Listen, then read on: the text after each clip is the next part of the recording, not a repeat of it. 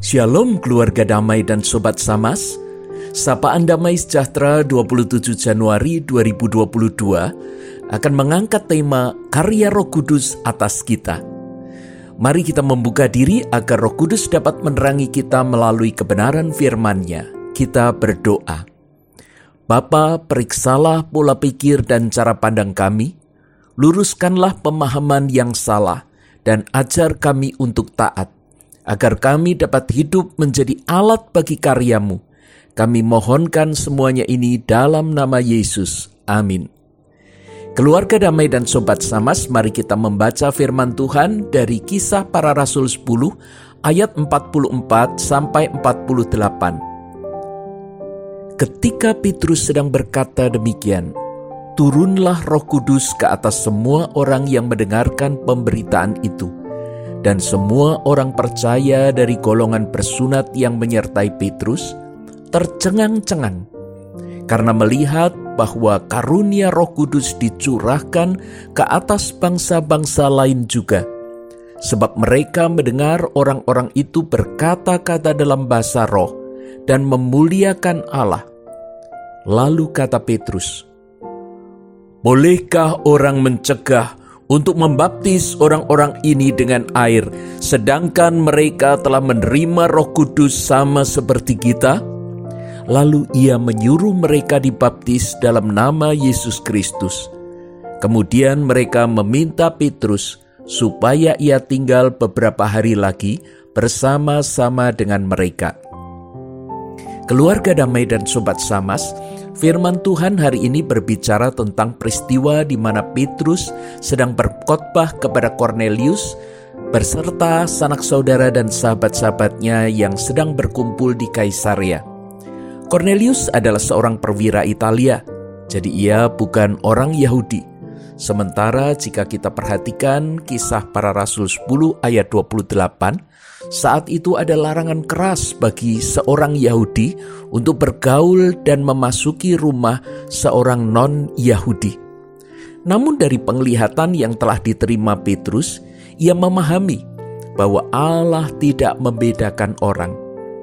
Maka, ketika Cornelius menyuruh hamba dan prajuritnya ke Yope untuk menjemput Petrus, ia pun mengikutinya sehingga kemudian dipakai oleh Tuhan untuk memberitakan Injil kepada Cornelius serta orang-orang yang ada bersamanya. Sobat Samas dan keluarga damai, firman hari ini mengajarkan kepada kita dua hal besar. Yang pertama adalah panggilan Allah dan yang kedua ketaatan manusia dalam merespon panggilan Allah. Panggilan Allah ini kita akan melihat mengenai bagaimana Allah memanggil semua orang untuk menerima Injil. Dan yang kedua adalah panggilan Allah untuk berkarya bersamanya.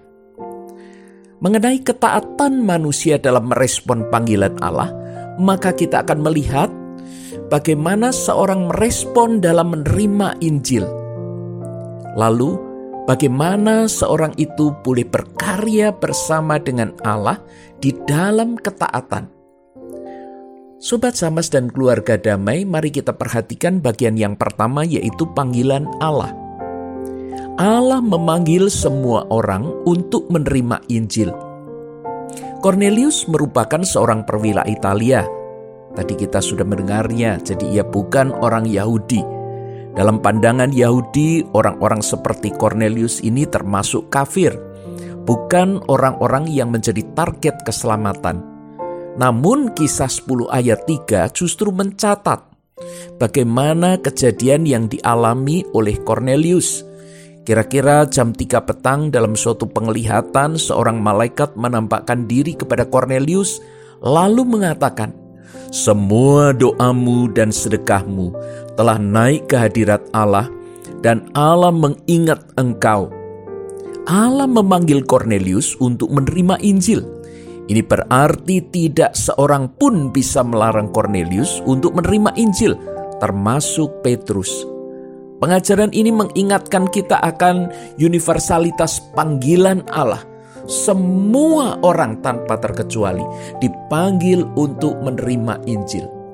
Ini berarti Injil diperuntukkan semua orang segala bangsa sehingga kita juga tidak boleh bersikap diskriminatif. Kita tidak bisa menghalangi siapa pun untuk menerima Injil. Nah, kalau Allah memanggil semua orang untuk menerima Injil, maka tentu kita juga memahami bagaimana Allah bisa memakai orang-orang untuk berkarya bersamanya dalam memberitakan Injil. Karena itu, untuk membahas mengenai panggilan Allah ini, kita akan memperhatikan bagaimana Allah memanggil kita juga untuk berkarya bersamanya. Allah memanggil Petrus untuk memberitakan Injil kepada orang non-Yahudi. Untuk mengerjakan panggilan ini, Allah terlebih dahulu membuka wawasan Petrus. Untuk menjelaskan universalitas penerima Injil, Allah lebih dulu meluruskan prinsip yang dipegang Petrus, seperti prinsip yang dipegang oleh orang-orang Yahudi pada umumnya. Allah kemudian memberikan penglihatan dan mempersiapkan Petrus Allah ingin mengubah paradigma atau cara pandang Petrus sehingga tidak terjebak dengan pola pikir diskriminatif. Allah ingin benar-benar membuat Petrus memahami bahwa Allah tidak membedakan orang. Keterbukaan Petrus inilah yang kemudian membuatnya siap untuk berkarya bersama Allah. Tanpa pemahaman yang utuh dan tuntas, seorang tidak dapat berkarya dengan baik. Pelayanannya akan dipenuhi konflik internal karena berbagai kebingungan dan tidak adanya konsistensi. Ketika Allah memanggil seseorang untuk berkarya, Allah akan mempersiapkannya dengan baik, dan tentu saja orang itu harus merespon dengan ketaatan. Nah, hal yang kedua adalah ketaatan manusia dalam merespon panggilan Allah tadi. Mari kita melihat bagaimana ketaatan seorang ketika merespon Injil itu diberitakan.